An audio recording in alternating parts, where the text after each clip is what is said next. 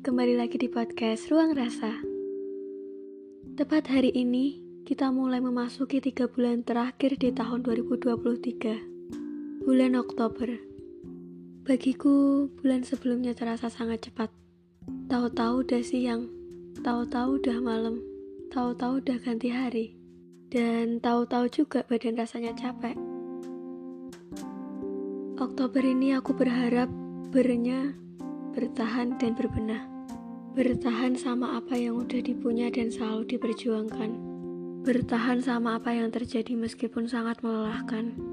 Bertahan ya karena sesimpel nggak semua orang bisa selalu ngerti dan tahu keadaan kita. Meskipun menyakitkan juga ya ternyata kalau dianggap yang paling kuat terlihat paling bisa menghandle semuanya. Padahal pengen deh sesekali buat nuangin apa yang kita rasa. Nangis misal.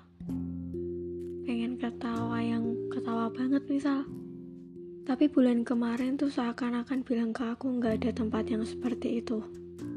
Sekalipun kamu sudah berusaha untuk menjadi tempat yang sedemikian. Mungkin aku salah, tapi mungkin juga ada benarnya. Karena semakin dewasa maka akan semakin banyak urusannya. Jadi seakan-akan kalau kita nggak saling keep in touch, ya mungkin buat tipe-tipe orang kayak aku bakal selalu bilang nggak apa-apa. Tapi fase murung tuh nggak bisa dihindari nggak sih?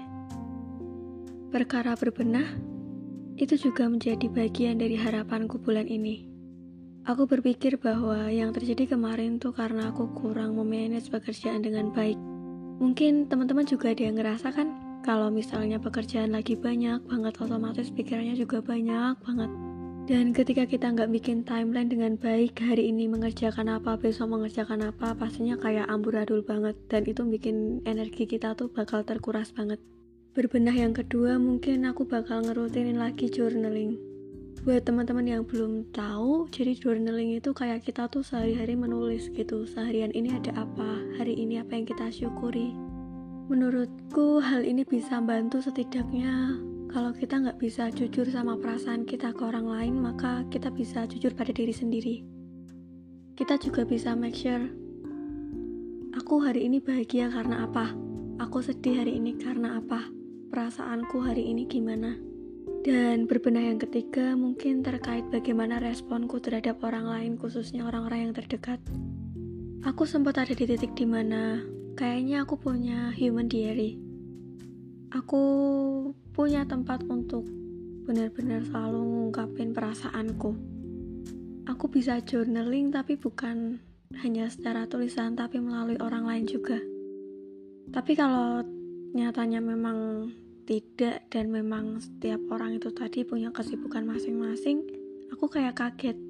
Jadi mungkin berbenah di sini aku harusnya lebih bisa buat ngerti space orang lain. Harus bisa ngerti kalau setiap apa yang terjadi itu pasti ada sebab dan akibatnya, terutama penyebabnya. Kadang-kadang mungkin orang nggak yang ngertiin kita bukan karena mereka nggak peduli sama kita tapi mungkin juga memang masih ada urusan lain dan sama-sama masih lagi capek-capeknya. Berbenah yang terakhir harapanku aku bisa lebih jujur sama diri sendiri.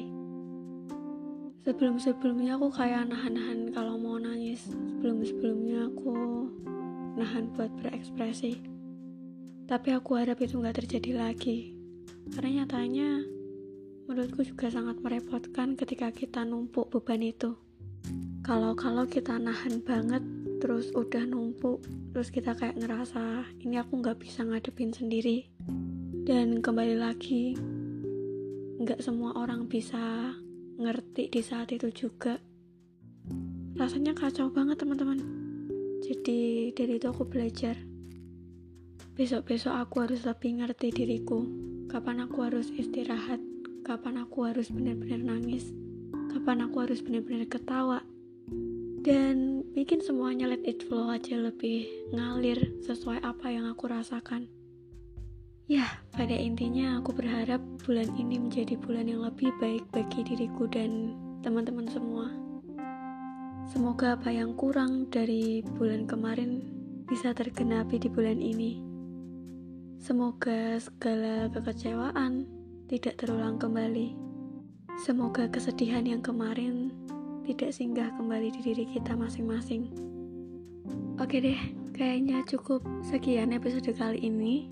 Aku berharap kita bisa bertemu di episode-episode yang selanjutnya dengan cerita-cerita yang menarik lagi.